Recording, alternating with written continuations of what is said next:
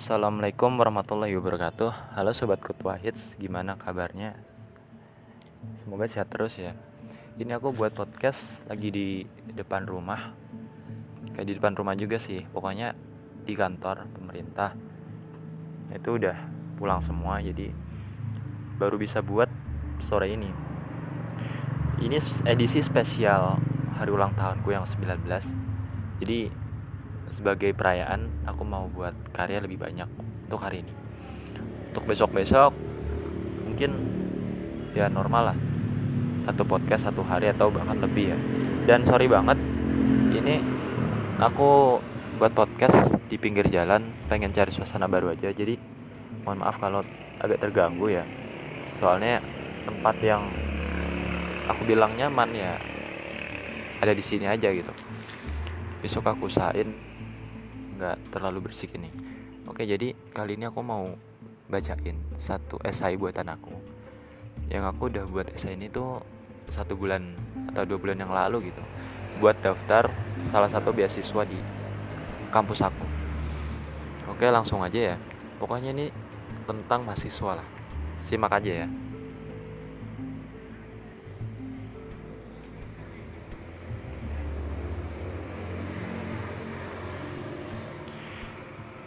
Agent of Change oleh Adnan Wahyudi.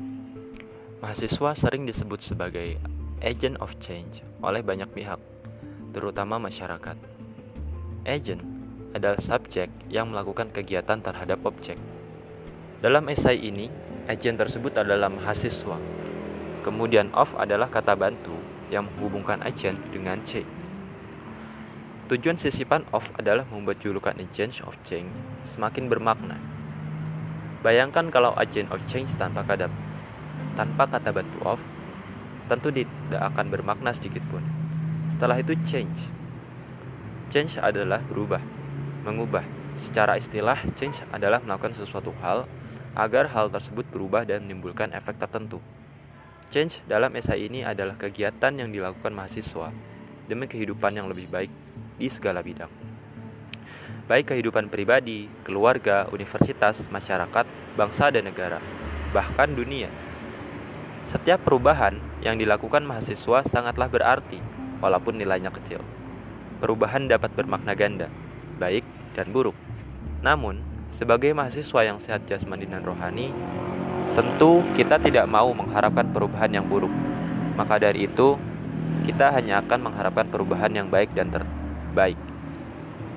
Kondisi lingkungan mahasiswa. Salah satu perubahan yang terjadi dalam pribadi mahasiswa adalah statusnya. Dari yang awalnya bersekolah di sekolah menengah sebagai siswa, sekarang naik level menjadi bersekolah di pendidikan tinggi sebagai mahasiswa.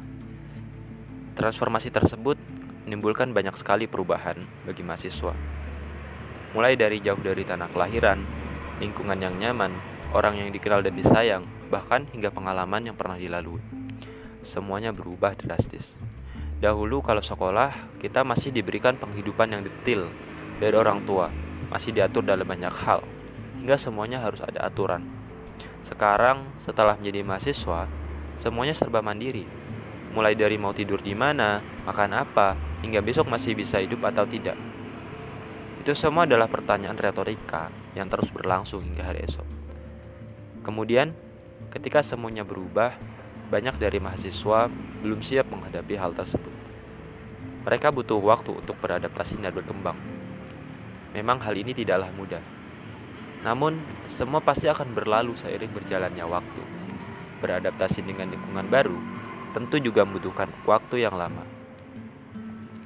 Mulai dari dunia perkuliahan, banyak kegiatan dan kepanitiaan yang bisa diikuti, hingga masalah manusia yang semakin kompleks.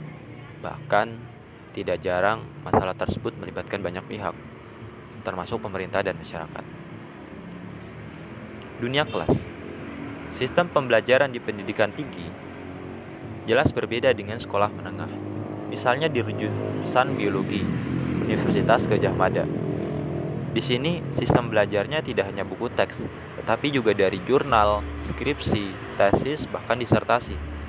Selain itu juga ada praktikum rutin di setiap pekannya. Tidak jarang dari praktikum tersebut membutuhkan waktu yang lama dan mengurangi waktu istirahat kita Tugasnya pun sangat banyak dan rumit, mulai dari menyusun laporan praktikum, tugas harian, ujian setiap tiga bulan, kuis, dan masih banyak lagi. Itu pun belum seberapa. Mata kuliah di sini sangat banyak dan harus dipelajari dalam waktu yang singkat. Dunia organisasi Setiap fakultas memiliki organisasi sesuai ciri khas fakultas tersebut, seperti halnya di biologi UGM. Di sini banyak sekali organisasi yang bisa kita ikuti. Ada kelompok studi yang memiliki kegiatan khusus bidangnya dan mengenalkan kita pada alam semesta. Kemudian ada juga BEM, atau Badan Eksekutif Mahasiswa, Senat, dan juga beragam kepanitiaan. Dan juga beragam kepanitiaan yang bisa diikuti. Dan setiap mahasiswa yang ikut tentu akan mendapatkan banyak pengalaman, rasa, dan juga hal yang baru. Dalam dunia organisasi, kita diajarkan banyak hal. Kita diajarkan bagaimana cara mengelola sebuah organisasi dengan baik, berkomunikasi dengan banyak orang, mengelola diri untuk menggunakan waktu dengan baik, menjaga kesehatan, dan merawat keseimbangan hidup. Selain itu, kita juga dapat memahami bagaimana menghargai orang lain, menjaga etika dan sopan santun, melihat dunia dari banyak sudut pandang, dan juga melatih soft skill dan hard skill sehingga semua hal yang didapat dari organisasi dapat diaplikasikan dalam masyarakat nantinya. Dunia luar Setelah diwisuda menjadi sarjana, mahasiswa dituntut menjadi agen of change masyarakat karena masyarakat menganggap mahasiswa sebagai manusia yang cerdas, kritis, visioner, dan memiliki kompetensi membawa negara menjadi lebih baik. Ini adalah sebuah tugas yang sangat berat untuk ditaruh di pundak mahasiswa dunia luar mengandung hal-hal tak terduga. Tidak ada panduan seperti halnya buku. Mahasiswa benar-benar dihadapkan di dunia yang sebenarnya. Dunia yang penuh masalah, kemunafikan, abstrak, dan licik. Dunia yang pahit dan se tak seindah yang dibayangkan. Dunia yang seolah tak adil dan berpihak. Dunia menjadi ladang terbesar mahasiswa untuk mengabdikan dirinya sebagai agent of change.